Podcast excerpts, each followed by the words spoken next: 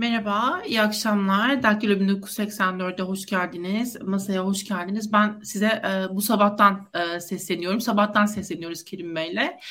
E, bugün aslında, bu akşam aslında önemli bir konuyu konuşmak istiyorum. Çok konuşmadığımız bir konuyu aslında e, konuşuyor olmak istiyorum bugün. Konuşa, e, konuşabiliyor olmak istiyorum bugün. Aslında e, geçtiğimiz günlerde geçtiğimiz günlerde e, Millet İttifakı'nın ortak Cumhurbaşkanı adayı ve umarım 13. Cumhurbaşkanı Kemal Kılıçdaroğlu'nun bir videosu üzerine e, tekrar konuşma şansı bulduk. O haklı olarak aslında iklim e, göçleriyle ve iklim krizinin aslında farklı boyutlarıyla göç krizinin ne kadar birbiriyle entegre olabileceğini e, anlatmaya kalktı. Ben bunu hani kendi adıma çok önemli buluyorum ve e, hani göç göçü biz e, uzun zamandır Türkiye'de konuşuyoruz. Ne kadar e, problemli olduğunu, bu kadar e, fazla sayıda insanın Türkiye'de aslında hem Türk vatandaşları için yani Türkiye'de yaşayan insanlar için hem e, onlar için de ne kadar e, problemli ve sorunlu olduğunu farklı şekillerde konuşuyoruz. Ama e, bunun iklim kriziyle bağdaşması noktasının ben hani kendim naçizane çok önemli bulduğum için konuşuyor olmak istedik bugün. Bir yanıyla da hemen hatırlatmış olayım. Daktilo 1984 olarak bizim yürüttüğümüz bir e, projemiz var. Asterix e, 2050 projesi. Biz burada siyasi partilerle oturduk, konuştuk. Bir yanıyla kendi e, önerilerimizi de aktarmaya çalıştık. Bunu da eğer ilginizi çekerse takip edebilirsiniz diye hatırlatmış olayım. Şimdi ben Gelecek Partisi ekonomi politikaları Başkanı Kerim Oto ile başlayacağım. E, ardından İyi Parti Gençlik Politikaları Başkan Yardımcısı e, Merve İnan'la devam edeceğiz. Ama konuştuğumuz konu aynı bağlamda olacak. Belki orada partilerin birazcık belki farklılaşan hangi noktaları olduğunu anlamaya çalışırız. Onun takdiri tabii size ait olacak izleyiciler olarak ama genelde aslında birçok anlamda yani özellikle bu e, konu anlamında benzer politikalara sahip olduğunu düşünüyorum diye artık sözü daha fazla uzatmadan Kerim Bey'e vermek istiyorum alanı, e, kürsüyü, mikrofonu. Kerim Bey burada çok önemli bir çıkış yapıldı gerçekten. Çok değerli bir çıkış yapıldı ve yani az önce bahsettim zaten iklim krizi yeteri kadar tartışılmıyor Türkiye'de. Farkındalık e, kazanıldığını söylemek gerçekten gül. E, bu, bu çıkışı nasıl okumak lazım? Siz nasıl bunu yorumluyorsunuz ve seçmenlere aktarırken burada hangi noktalara dikkat çekmek istiyorsunuz? Bunu sorabilir miyim? Ee, çok teşekkürler Maya Hanım. Ee, İyi yayınlar diliyorum öncelikle. E, tabii e, Kemal Bey'in e, altını çizdiği konu aslında bütün dünyada uzun süredir tartışılan e, bir konu. Ancak bizim tabii gündemimiz o kadar temel konulara odaklanmış durumda ki ağırlıklı olarak makroekonomi, işsizlik, e, ekonomik konular, özgürlük, adalet bu temel eksikliklerimiz e, sebebiyle dünya gündeminden biraz uzakta kaldı. Dünya gündeminin tabii ki üzerinde uzun zamandır tartıştığı konu iklim krizi. Bununla ilgili bunun ekonomik etkileri ile mücadele etmek için, ileriye yönelik olarak mücadele etmek için yeşil mutabakat ve Türkiye'de iklim krizinin dışında da e, önemli bir sığınmacı, göçmen e, sorunumuz var. Yaklaşık resmi rakamlarla 5 milyona ulaşmış. Bu Türkiye'yi dünyada en fazla sığınmacıya ev sahipliği yapan ülke haline getiriyor. Nüfusuna oranla da en yüksek ülkelerden bir tanesiyiz. Bu bizim hem kaynak dağılımlarımızı çok etkiliyor. Hem de ölçülebilirliğimizi de azaltıyor. Yani biz milli gelir hesabını e, vatandaşlarımıza bölerek yapıyoruz. 85 milyona bölerek yapıyoruz. Ama gıda sağlamamız gereken yaklaşık 90 milyon insanımız var. Turistleri de buna katarsanız 93-94 milyon kişiyi doyurmamız gereken bir tarım politikamız olmaması gerekirken tarım politikalarımız maalesef günübirlik e, bir halde. E, tarım politikalarımızı şekillendiren su kaynaklarımızı vahşi olarak kullanıyoruz. Böyle bakınca da Türkiye'nin ileri yönelik olarak hem büyüyen nüfusunu hem de göçle gelen artan nüfusunu besleyecek, büyütecek bir planının olmadığını görüyoruz. O yüzden biz şunu Millet İttifakı olarak şunu görüyoruz aslında. Yani burada artık parti politikalarından çok Millet İttifakı politikalarına değinmek lazım. Bir kere e, hem göçün e, hem iklim krizinin bir planlama dahilinde ele alınması gerektiğini e, düşünüyoruz. O yüzden de Stratejik Planlama Kurumu'nun eski Devlet Planlama Teşkilatı e, tekrar hayata geçirilmesi konusunda mutabakatımız var. Bu mutabakat bize şunu getirecek. Yani belki hatırlarsınız bundan 20 sene 25 sene önce atanamayan öğretmen diye bir kavramımız yoktu. İşsiz kalan mühendislerimiz oldukça azdı. E, inanılmaz bir plansızlıkla hemen hemen her ile bir üniversite e, açarak geldiğimiz noktada istihdam piyasasıyla eğitim piyasasının birbiriyle ilişkisini kopardı. Okullarımız arttı, binalarımız arttı ama istihdamımız ona uygun artmadığı için inanılmaz bir işsizlik sorunumuz oldu. Bundan daha ötesi de asgari ücretleşmeye, prekaryalaşmaya ve gençlerin umutlarını kaybetmesine e, sebep oldu. O yüzden biz planlamanın çok önemli olduğunu düşünüyoruz. İklim krizini düşünürken de iki yönü düşünmemiz gerekiyor. Bir, mevcutta 5 milyonu aşmış sığınmacılarımızın zaman içinde nasıl kendi ülkelerine veya ikili anlaşmalarla diğer e, ülkelerle işbirliği yapılacağını planlamamız gerekiyor. Ee, ama belki bundan daha önemlisi sizin de biraz evvel bahsettiğiniz gibi dünyada göçlerin sadece savaş, ekonomik krizler veya özgürlüklerin kısıtlanması sebebiyle değil, iklim sebebiyle de göçlerin olma ihtimalini artık çok yakın görüyoruz. O nedenle özellikle doğudan batıya, güneyden kuzeye böyle bir akımın da olabileceğini önümüzdeki belli zaman içerisinde hesaplayıp e, Türkiye'nin planlarını buna göre yapması gerekiyor. O nedenle bir stratejik planlama teşkilatında bu konuların hepsini çalışan e, bir teşkilat olarak planladık. Burada e, bir başka önemli nokta da yine Kılıçdaroğlu'nun konuşmasına dönersek Birleşmiş Milletler ve Avrupa Birliği işbirliğine gidilerek aslında bir fon yaratılması, bir bütçe e, oluşturulması ve bu bütçenin aslında yine e, Fırat ve Dicle üzerinden örnekledi Sayın Kılıçdaroğlu. Ama hani genel olarak da benim anladığım hem göç, düzensiz göçün aslında önlenmesi tabii yani bunun sebeplerinin aslında ortadan kaldırılmasına işaret ediyor. Bu da yine çok önemli bir nokta. Çok hem yerinde insan hakları perspektif anlamında da önemli olduğunu söylemek gerekir. Ee, gerçekten benim çok beğendiğim bir konuşma olduğu için öv övmeye e, doyamıyorum. Çünkü göçün hani Türkiye'de tartışıldığı o kadar böyle sakat ve problemli bir perspektif var ki Kılıçdaroğlu e, çok doğru bir yerden ve hani çok doğru bir zamanda ve çok doğru bir perspektifle aslında bunu konuşmuş oldu diye düşünüyorum. Orada e, gerçekliğini aslında biraz edelemek istiyorum. Yani Avrupa Birliği ve Birleşmiş Milletler'e böyle bir çağrı yapıldı. Kılıçdaroğlu'nun seçimleri kazanması halindeki umarım tekrar kazanacak e, diye söyleyeyim. E, kazanması halinde böyle bir e, çağrı ne ölçüde karşılık bulur, nasıl ikna edilir kurumlar e, bu denli büyük bir e, paranın hani e, Türkiye'nin belki de bilmiyorum bu e, kurumların e, şeyine verilmesi anlamında nasıl e, nasıl ikna edilir ve ne kadar gerçekçi bunu biraz e, sormak ve edilemek istiyorum aslında. Aslında Maya Hanım yani Türkiye'nin özellikle Cumhurbaşkanlığı hükümet sistemin başladığından bu yana 2018'den bu yana ama asıl başlangıcı e, 2016'dır. E, 2016'dan bu yana e, Türkiye'nin ekseninde çok ciddi bir kayma var. Ve bu eksen e, Türkiye'yi yine hem dış politika alanında hem ekonomi alanında hem de ikili ilişkiler anlamında çok değişik yerlere sürüklediğini ben düşünüyorum. Yani e, bu eksen kayması da Türkiye'nin ta 1923'ten beri Cumhuriyet'in kuruluşundan bu yana e, işte muasır medeniyet diye tarif ettiğimiz Batı medeniyeti modernizmden uzaklaştıran, Türkiye'yi bir, bir anlamda bir Avrasya Cumhuriyeti, bir Orta Asya demokrasisine özendiren bir eksen kayması olduğunu düşünüyoruz. Dolayısıyla bunun düzeltilmesi mutlaka gerekiyor. E, zannediyorum bu seçim e, biraz bu eksenlerin e, seçimi de olacak. Yani Türkiye Avrasyacı bir modelle hem demokrasisiyle hem ekonomisiyle, insan haklarıyla yönetilecek. Yoksa Batı standartlarında e, ideal anlamıyla belki de hani en kolay anlaşılacak anlamıyla AB standartlarında yönetilecek bir ülke hedefine doğru mu gidecek? Bence asıl seçim bu olacak. E, zannediyorum e, bu eksenin doğru e, bir şekilde seçilmesi ve ileriye yönelik olarak e, bu hedeflerin konulmasıyla beraber e, Türkiye'nin Batı dünyasıyla ilişkilerinin farklı boyuta geleceğini düşünüyorum. Ekonomik anlamda çok uzun yıllardır Türkiye'nin çok büyük ihtiyacı e, olan gümrük birliği güncellemesinin masaya yatacağını düşünüyorum. E, ABD, e, Avrupa Birliği yapılan e, duran fasıllarımızın tekrar başlayacağını öngörebiliyorum. E, ama bu tek taraflı bir ilişki e, olmak yerine karşılıklı bir ilişki olmak zorunda. Türkiye'nin hem karşı karşıya kaldığı e, insani drama açtığı kucak önemlidir. Yani parti hükümetlerini eleştirebiliriz ama burada bir insani drama olduğu e, ve birçok e, e ülkenin e, yani 1000-2000 düzensiz göçmen konusunda verdiği e, samimiyetsiz e, görüntüleri de görünce e, Türkiye önemli bir fedakarlık üstlenmiştir. Bunu sadece ekonomik olarak söylemiyorum, insani olarak söylüyorum.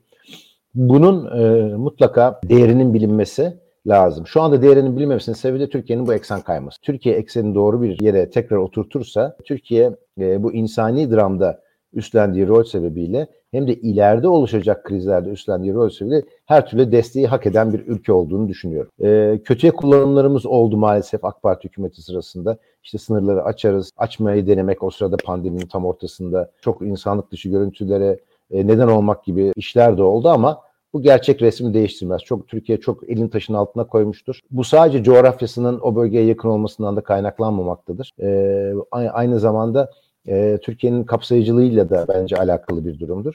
O yüzden mutlaka AB ve Birleşmiş Milletler'in e, bu konuda Türkiye ile işbirliği yapması gerekiyor.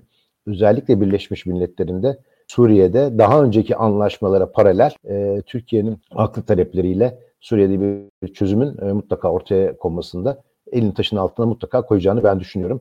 Türkiye biraz eksenini kaybetti. Bu eksene tekrar oturursa bunu sadece parasal anlamda değil, fon anlamında değil, e, zihinsel olarak da e, Türkiye'nin çok e, önemli işbirliği yapabileceğini düşünüyorum. Çok önemli bir şey değindiniz aslında. Bu dış politikadaki güvenilirliğin aslında muhatap alınabilirliğin ve bununla bağdaşık olarak farklı işbirliği modellerinin geliştirilebilmesinin öneminin aslında altını çiziyorsunuz ve bunun asıl nokta olduğunu söylüyorsunuz. Yani paradan da ziyade aslında bu sağlanırsa birçok işbirliği modelinden bahsedebiliriz. Yalnızca hani böyle bir e, paranın e, Türkiye'ye iletilmesi ya da Türkiye'nin yönetimde projeler bazında kullanılması değil ama çok daha farklı bir mesele. Burada bence biraz daha Avrupa Birliği'ni eşelersek eğer orada bir, bir yeşil mutabakat meselesi var. Yine Türkiye'de hani e, çok sınırlı şekilde konuşulan ve yine sizin orada haklı olarak Gümrük Birliği'nin e, güncel, güncellenmesi üzerinden bahsettiğiniz bir e, pozitif ajanda meselesi vardı Avrupa Birliği ile Türkiye arasında yürütülmeye çalışılan. Tabii bunun da asıl hani biz böyle bir pozitif ajandadan bahsettik. Çünkü buradaki mesele aslında şuydu birazcık da Türkiye'de insan haklarına saygı ortadan kalktı. Demokratik anlamda çok ciddi bir geriye gidiş var ve bu sebeple de Avrupa Birliği Türkiye ile üyelik müzakereleri bağlamında ilişki geliştirmekten de vazgeçer gibi olduğu için böyle bir pozitif ajanda ile ara formül bulunmaya çalışıldı. Çünkü kimsenin hani böyle arkasında durmak istemeyeceği türden bir e, problemli hükümetle karşı karşıya e, kalındı. Yani Avrupa Birliği e, perspektifinden bakınca da bu şekilde yorumlandığını aslında söylemek mümkün. Ve nihayetinde bu pozitif ajanda bağlamında da yeşil mutabakatta aslında Türkiye nasıl e, ilişkiler geliştirilebilir diye de bir e, takip edilmeye çalışıldı ama tabii bu hükümetin Türkiye'nin çıkarlarını öncelemek gibi bir derdi olmadığı meselesi olmadığı için de Paris Anlaşması'nın onaylanmasını gördük. Yapılan maksimum bir de bakanlığın ismine iklim değişikliği e, ibaresi eklendi. E, olan biten bu oldu. Ben şimdi burada biraz Avrupa Birliği'ni aslında eşelemek istiyorum. Burada neleri konuşuyor olabilirdik Avrupa Birliği özelinde diye soruyorum. Çünkü Yeşil Mutabakat aslında ciddi bir Avrupa Komisyonu projesi diyebiliriz. Yani e, Avrupa Komisyonu işte seçimlerden önce, Avrupa Parlamentosu seçimlerinden önce ciddi bir e, formülasyon olarak çıktı. Yani onlar e, aslında bunu vaat ettiler e, komisyonu komisyonun kurulmasından önce seçimlerden önce ve e, böyle bir politika seti de oluşturuldu aslında. İşte burada bir sürü e, fondan bahsedildi. Yani işte e, karbon nötr olmak için, iklim nötr olmak için aslında neler yapılabileceği ile ilgili. Ve burada tabii ki ilk önce de bu fonları alabilecek ülkeler arasında ben Türkiye'nin de olduğunu düşünüyorum. Aday ülke olması hasebiyle sizin aslında orada dış politikada e, eksen kayması meselesine dikkat çektiğiniz e, gibi onu da bağdaştırabiliriz aslında. Bu, bunu biraz daha spesifik olarak açmanızı isteyeceğim. Bu yeşil mutabakat aslında neleri öngörüyordu ve Türkiye için ne tür burada opsiyonlar olabilir? Neler söylersiniz Kerim Bey bununla ilgili? Ee, AK Parti hükümetleri yeşil mutabakatı bir tehdit olarak gördü aslında. Yani Paris İklim Anlaşması'nın çok geç onaylanması da e, bunun bir göstergesi. E, hep şu klasik ezberden e, yola çıktılar. E, ya biz gelişen bir ülkeyiz, e, gelişmiş. Sanayileşmesine e, 100 yıl önce başlamış bir ülkeye göre bizim 50-60 yıl önce sanayileşmeye hamlelerine başladığımız bir yerde işini bitirmiş, tamamlamış ülkelerin karbon nötr bir belgeyi imzalaması bize göre daha kolaydır. Biz daha henüz yeni sanayileşiyoruz, zenginleşmedik. E, o yüzden biz buna imza atarsak zenginleşmemiz. E, bu bize bir engel olur, bu bize bir bariyer olur. Aynen ben bu konuşmaları e, biraz gümrük birliği konuşmalarına 94 veya 93 yılıydı tahmin ediyorum. Bundan 30 yılı kadar önce e, Türkiye'nin gümrük birliğine dahil olma tartışmalarına benzetiyorum. O zaman da Türkiye sanayisinin içe e, yönelik Türkiye sanayisinin bu dış rekabette ezileceği ve ciddi anlamda Türkiye'nin hem iş gücü tarafında hem büyüme tarafında potansiyel kaybedeceği yönünde endişeler vardı. Aslında bu olmadı. E, Türkiye gümrük birliğine girerek aslında çok şey kazandı. Neyi kazanamadı? E, aslında Türkiye bu gümrük birliğiyle doğrudan yatırım e, çekmeyi hedefliyordu. Ama 30 sene boyunca Türkiye'ye böyle el, elle tutulur bir doğrudan yatırım gelmedi. Bunun sebebini de gümrük birliğinde aramak yerine aslında 30 senede e, finansal ve siyasi istikrarımızın ve ekonomik istikrarımızın 5-6 seneden fazla kalamadığını e, görmek lazım. Yani Türkiye bu dönem içerisinde herhalde 2005 ila 2011-12 arasındaki dönemde bir e, istikrar sağlayabildi. Onun dışında enflasyonlar, yüksek kur, Türk lira kayıpları, aynı zamanda siyasi çalkantılar ve önemli krizler yaşadı. Dolayısıyla ben yeşil mutabakata Türk sanayisinin e, Türk girişimciliğinin yeşil mutabakata Avrupa'daki birçok birçok paydaşından daha hızlı adapte olacağını düşünüyorum. E, bu güç, bu girişimcilik var. Ama tabii ki e, bunu adaptasyon içinde mutlaka bir e, ön finansman gerekiyor. Bu ön finansman e, doğru bir şekilde sağlanabilirse, doğru vadelerde, doğru faizlerle veya e, çeşitli hibelerle e, ben Türk sanayisinin hem Avrupa Birliği'ne e, hem bütün dünyaya çok önemli e, katma değer sağlayacağını ve Türkiye'de bunun doğrudan yatırım olarak geri döneceğini düşünüyorum. O yüzden yeşil mutabakat bir zorunluluk bizim için. Yani Paris İklim Anlaşması'nı imzalarken hükümet bir zorunluluk olarak imzaladı. Yeşil mutabakat da bir zorunluluk ama ben bunun bir fırsat olduğunu da biz düşünüyoruz. Ama yapmamız gereken e, Türkiye'nin eksenini doğruya oturtup ondan sonrasında da e, ekonomik, finansal ve siyasi istikrarı 10 sene arka arkaya yaşamış bir Türkiye'nin e, ben Avrupa'da çok e, hızlı ön plana çıkacağını e, ve ciddi anlamda e, bütün bu kriterleri yerine getirirken aynı zamanda da Avrupa'nın öncü e, sanayilerinden bir tanesi olacağına eminim. Ama dediğimiz gibi ihtiyacımız olan bu istikrar, e, en az 10 senelik bu istikrar e, ve ardından da girişimciyi çok elini kolunu bağlamadan doğru teşviklerle e, buraya yönlendirmek. Kerim Bey, e, başka eklemek istediğiniz bir nokta var mı? Sizinle vedalaşmadan önce belki dikkatimizden kaçan ya da önemli bulduğunuz altını çizmek istediğiniz. E, Türkiye'nin çok büyük potansiyelinin, çok büyük fırsatlarının olduğunu düşünüyoruz. Hala çok genç bir nüfusuz. Yani demografik armağan dönemimizin bir 15-20 senesini maalesef AK Parti dönemiyle geçirmiş olmamız bir şanssızlık olsa da bu armağan dönemi için önümüzde bir 10 sene daha var. 14 Mayıs seçimlerinde bu armağanı gerçek bir armağana dönüştürmek için çok önemli. Belki de son fırsat olduğunu düşünüyoruz. Türkiye'de hem girişimcilerimizin hem e, vatandaşlarımızın hem de e, sanayicilerimizin aslında bu potansiyeli görmesi için doğru dürüst yönetilecekleri bir iki döneme ihtiyacı var. Bir iki seçim dönemine ihtiyacı var. İnşallah bu sağlanacak. Kerim Bey çok teşekkürler katıldığınız ben için. Ben teşekkür ederim. Çok sağ olun valla.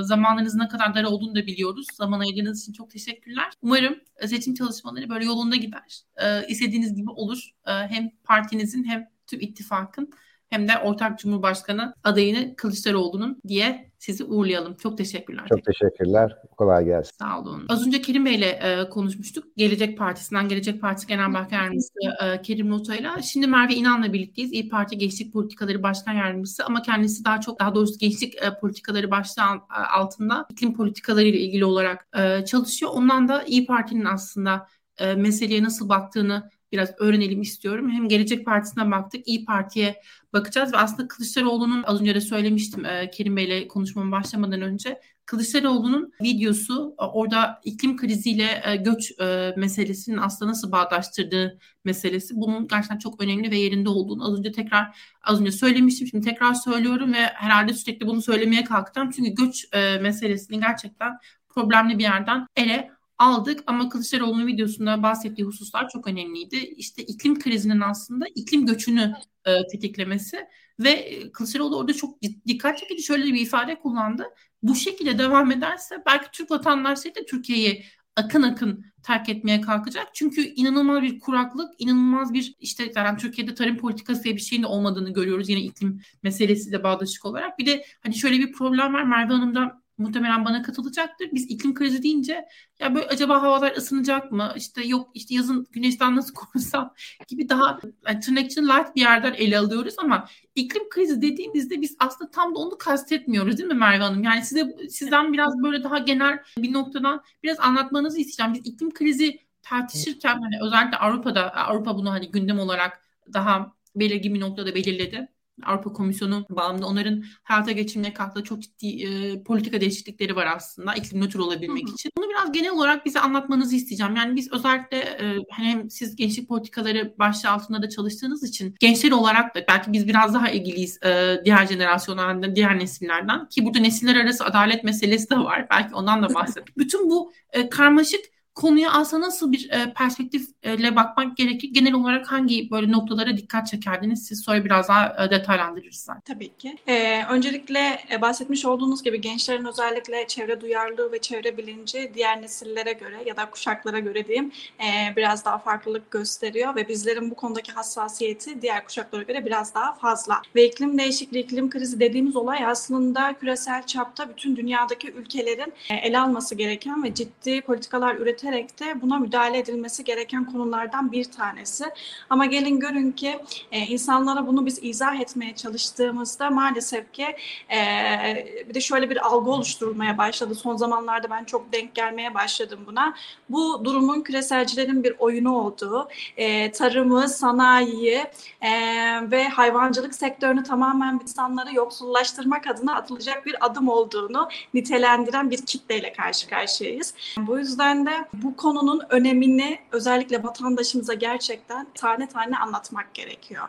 Çünkü iklim değişikliği, iklim krizi dediğimiz konu e, ciddi anlamda e, bizleri büyük bir sıkıntıya, e, krize sokacak durumlardan bir tanesi. Çünkü dünya maalesef ki giderek ısınmaya devam etmekte.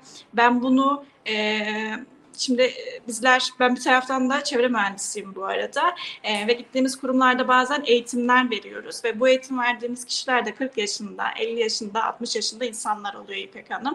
E, aslında işin kötü tarafı, kötü boyutu buradan başlıyor çünkü çevre duyarlılığı, doğa duyarlılığı ve hayvan sevgisinin küçük yaştan itibaren çocuklarımıza verilmesi ve aşılanması gereken noktalardan bir tane. Duyarlılığın ve bilincin işlenmesi açısından.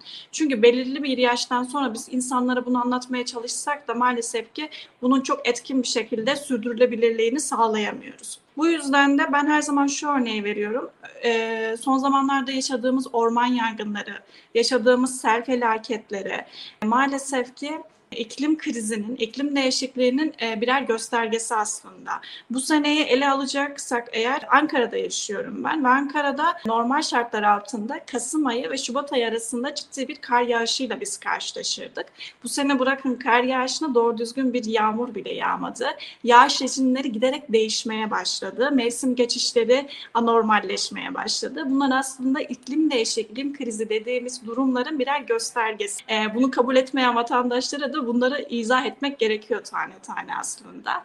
E, biliyorsunuz Türkiye'de de daha doğrusu Paris İklim Anlaşması'nın hedeflerinden bir tanesi dünyanın ısı sıcaklığını 2 derece hatta 2 derece de değil 1,5 santigrat derecede sabitlemeye e, çalışıyoruz biz şu anda. E, verdiğimiz ulusal katkı beyanları da bu doğrultuda beyanlar veriyor ülkeler. E, ama gelin görün ki Türkiye'de maalesef vermiş olduğumuz beyanat bile e, trajikomik bir şekilde iki katından daha fazla bir emisyon yayılımı yapıp oradan bir azalış e, yapacağımızı biz beyanat olarak verdik. Bu da işin ne kadar ciddiye almadığımızın e, göstergelerinden bir tanesi aslında. E, bununla alakalı ciddi e, karbon azaltıcı önlemlerin alınması ve 2050 yılında gerçekten karbon net sıfır hedefini yakalamak istiyorsak vereceğimiz ulusal katkı beyanının acilen güncellenmesi ve revize edilmesi gerekmekte. Çünkü e, bizim verdiğimiz beyanat gibi diğer ülkeler de bu beyanatı verecek olursa dünya sıcaklığının 4 santigrat dereceden daha da yüksek seviyelere çıkacağı söyleniyor. Bu da ciddi bir kuraklık tehlikesi ve sizin bahsetmiş olduğunuz gibi ciddi bir göç tehlikesine de iklim göç dediğimiz tehlikeyi de beraberinde getirecek. E, şimdi Sayın Kılıçdaroğlu'nun da video bahsetmiş olduğu gibi bir iklim göçü evet var ama bu göçün e, şimdi Türkiye'ye doğru bir göç var ama şu, su kaynakları bakımından zengin olarak gözüküyor şu an Türkiye. Lakin e, son yıllarda araştırmalara bakıldığında e, bizim göllerimizde, dere yataklarımızda yüzde altmışlık bir kuruma olduğu, kuraklıkla e, mücadele etmeye çalışmamız gerektiği söyleniyor verilerde. E, Birçok gölümüzü değerlendirmeye aldığınızda ciddi bir su seviyesinde maalesef ki azalmalar var. Ve ciddi bir su politikasının e, Türkiye'de değerlendirilmesi gerekmekte. Özellikle e, su politikasındaki yanlışlıklarından e, bir tanesi de daha doğrusu büyük bir kesimi tarım alanında bizim vahşi sulama diye nitelendirdiğimiz sulama yöntemleriyle hala e, çiftçi amcalarımızın, çiftçi kardeşlerimizin bu metotla sulama yöntemine devam etmesi bizim e, su politikasında yani bu kuraklığı yaşamımızdaki en büyük sebeplerden bir tanesi aslında. Çünkü e, değerlendirmelere baktığınızda yüzde yetmişlik bir kesim sadece e, bu yanlış politikadan kaynaklı kuraklıkla e, mücadele etmemiz gerektiğini gösteriyor.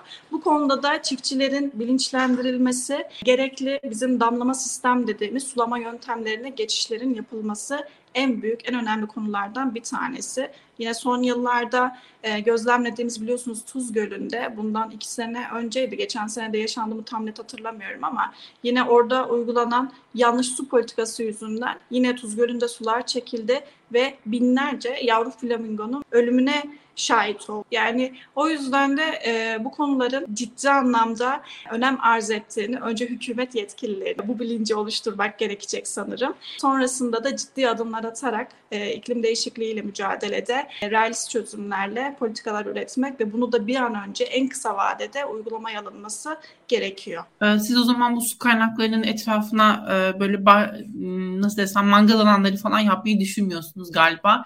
Böyle projeleriniz olmayacak. Ee, Yok diye anlıyorum. Ve e, aslında orada söylemek istediğim bir şey vardı ama şu an bir dakika aklıma gelmiyor. Şeyi, şeyi söylemek istiyorum yine bu e, çiftçi meselesi, çiftçi amcalarla ilgili olarak e, yani Hollanda'nın bir artık tarım politikalarının bir marka olduğunu biliyoruz. E, ama orada da tarım politikalarında yani bu iklim krizi gündemiyle bağdaşık olarak e, bazı problemler vardı. Politikacıların kimi zaman kolaya kaçtığını da görüyoruz. Yani evet e, burada mücadele edilmesi gereken yanlış giden şeyler olabiliyor. Ee, tarım politikaları örneğinden gidersek. Ama o oradaki yükün kimin üzerine bineceği meselesi çok önemli. Yani e, çiftçiyi fakirleştirip çiftçiyi çaresiz bırakıp çiftçiyi yönlendirmeden e, yapılabilecek öneriler siyasetçilerin bu anlamda üreteceği çözümler çok ters tepebiliyor. Hollanda'da şey örneği bilmiyorum hani takip etmişsinizdir belki orada çiftçi partisinin inanılmaz bir oy alması sanırım yerel seçimler olsa gerek.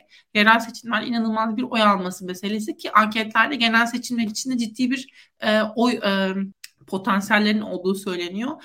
Aslında biraz ironik ve komik geliyor ama e, yani özellikle Hollanda gibi böyle tarımın artık bambaşka boyutlarda olduğu yerlerde şaşırmamak da lazım diye not düşelim. Ve ben biraz daha şey e, detaylandırmak istiyorum. Yani e, işte yine Kılıçdaroğlu'nun açıklamasında gördük. Siz böyle çok çok kısacık şeyden bahsettiniz. Bu iklim göçü meselesinden bahsettiniz ama ve aslında ne tür tehlikelerin aslında e, masada olduğunu benim aklıma bir de şu da geliyor. Mesela biz deprem e, politikaları bağlamında da yani son dakikaya kadar pek aksiyon alan bir e, tavır içinde olmadık. E, tabii burada birinci e, sorumlu elbette hükümet olacak yani. Bir de bir de böyle bir şey var ya Türkiye'de. e, bitiyor, bitiyor vesaire ama hükümet bir şekilde o sorumluluğu asla alamıyor. Yani ona bir şekilde asla mal edemiyorsunuz. E, bir, bir başkası sorumlu oluyor. Mesela iyi bir şey olursa hükümeti e, sorumlu tutabilirsiniz. Hükümet yaptı diyebiliriz. AK Parti, MHP yaptı diyebiliriz ama kötü bir şey olduğunda hayır yani önlem alınmadığında bunun üzerine gidilmediğinde o zaman onlar sorumlu olmuyorlar. Ve iklim kriziyle ilgili de yani yarın öbür gün ortada bir tuz gölü kalmayınca işte Fırat kuruyunca, Dicle kuruyunca ve insanlar işte yani Kılıçdaroğlu'nun videosu, videosunda dikkat çektiği Suriye'deki insanların daha fazla şekilde e, Irak'taki insanların daha fazla şekilde ülkeleri terk etmesi ve hatta Türkiye'deki insanların da Türkiye'yi terk etmesi bu kuraklık yüzünden böyle bir senaryo doğru ilerleyebiliriz ve ısrarla ısrarla e, önlemler alınmıyor ve e, ve yani biz bunu şimdiden aslında geleceğe not düşüyoruz belki ve umarım e, sizin iktidarınızda yani e, tüm ittifak olarak bu bütün e, dikkat çekici önemli meseleleri gündeme alırsınız diye bir e, böyle bir e, böyle bir e, dilekte bulunmuş olayım ve sonrasında da şeye bağlayayım istiyorum. Orada biraz somut bazı şeyler de gördük. Siz de birazcık aslında bahseder gibi oldunuz ama detaylandırmanızı isteyeceğim. Bu Birleşmiş Milletler ve Avrupa Birliği aracılığıyla belki destek alma meselesi. Acaba hani bu kurumlarla ne tür işbirlikleri yaratılabilir ve de şu an hali hazırda nasıl projeler yürütülüyor? Türkiye ile hani burada işbirliği anlamında neler gündeme gelirdi biraz onu sormak istiyorum. Mesela hani e, biz bunu yeşil mutabakat bağlamında biraz e, konuşuyoruz. E, tabii orada siz anlatırsınız belki daha farklı yaklaşımlar benimsendi. Türkiye'nin işte e, problematik dış politikası yüzünden de bazı sorunlar yaşandı. Sizin orada aldığınız notlar ve neler iyileştirilebilir ya da e, orada Avrupa Birliği ve Birleşmiş Milletler'den bu tür büyük paraların, büyük mevlaların alınması meselesi gerçekçi bir vaat olarak ortada duruyor mu? Ne der? Tabii. E, öncelikle sizin bahsetmiş olduğunuz gibi e, Avrupa Birliği Yeşil Mutabakatı'na uyum çerçevesinde öncelikle Türkiye'nin de bir e, yeşil ekonomi programına geçiş sağlaması gerekiyor. Ve bu programın uygulanması açısından da bizim e, yurt içinde kuracağımız bir karbon fiyatlama sistemine geçiş sağlayacağız biz.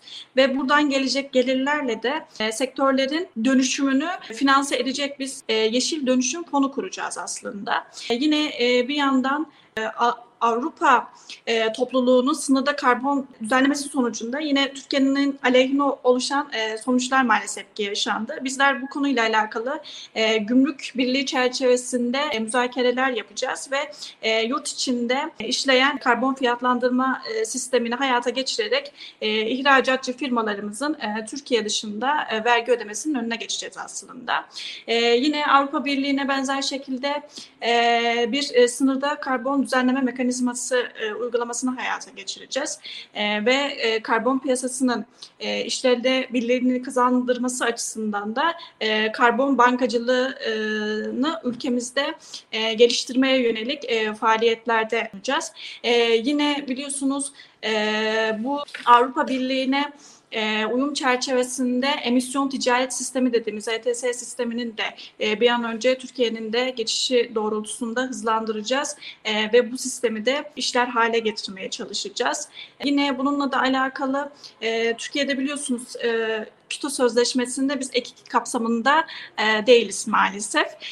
Bununla da alakalı e, ülkemizin e, bir an önce e, uluslararası fonda yeşil dönüşümü destekleyen e, teşviklerden faydalanabilmemiz için e, ekik kapsamına girmemiz noktasında neler yapmamız gerekiyor? E, bununla alakalı araştırmalarda bulunacağız ve ülkemizi e, ekik kapsamına sokup e, uluslararası e, arenada e, bu konuda bize sağlanacak teşvikler ve fonlardan faydalanmak için de gerekli süreci başlatacağız.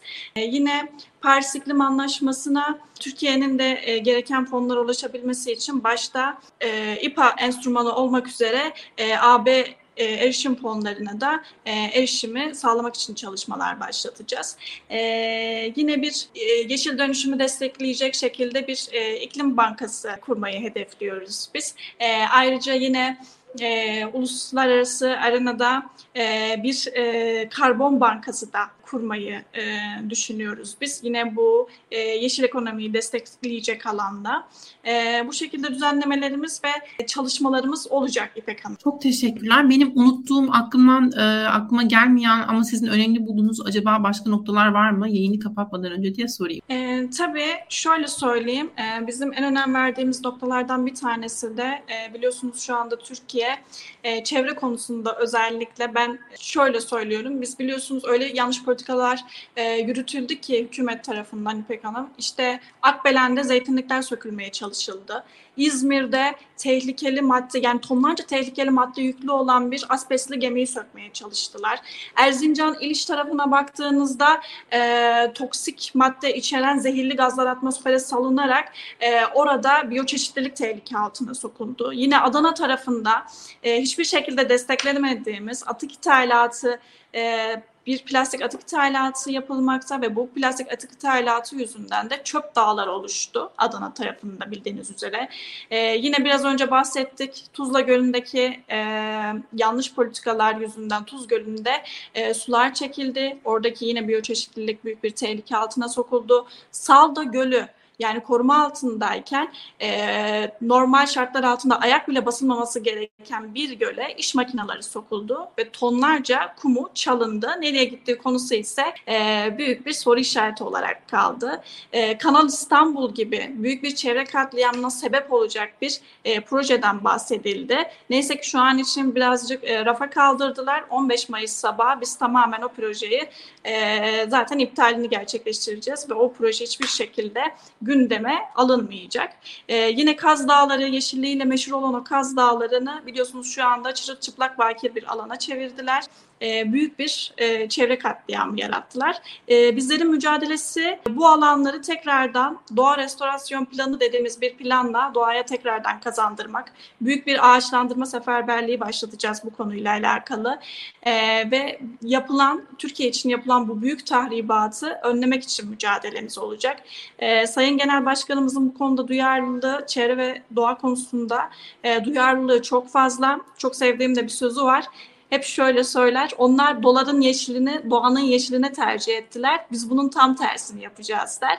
Ee, ve gelecek nesillere yaşanabilir, temiz bir dünya bırakmak için de elimizden gelen e, mücadeleyi vereceğiz. Çok teşekkürler Merve Hanım bu e, değerli e, noktalar için sizin bahsettiğiniz, ele aldığınız gerçekten önemli bir konudan bahsediyoruz. Her ne kadar e, olayın ciddiyeti yeterince e, konuşulmuyor olsa da, yeterince farkında olunmasa da ve e, aslında bu önerilerle e, Türkiye'ye inanılmaz bir e, hani fonun gelmesi, inanılmaz bir e, paranın ayrılması da olabilir. Bu da ciddi bir nokta. Yine gözden kaçan ve e, çok e, bilinç bilincinde olunulmayan. E, çünkü siz bunları bahsettiğinizde şey deniyor işte ya flamingolar ölsün ne olacak ki? İşte ben ölüyorum. Benim e, evet. yani temel e, problemlerim ne olacak ki deniyor. Halbuki o flamingoların ölmesi işte senin artık o şeyde standartlarda kaybedeceğin anlamına gelebiliyor gibi bir mesele var ortada ama Neyse başaracağız herhalde diye ben de umutlu olmaya çalışıyorum. Umarım e, bütün Hep birlikte önümüzde... başaracağız İpek Hanım öyle söyleyelim.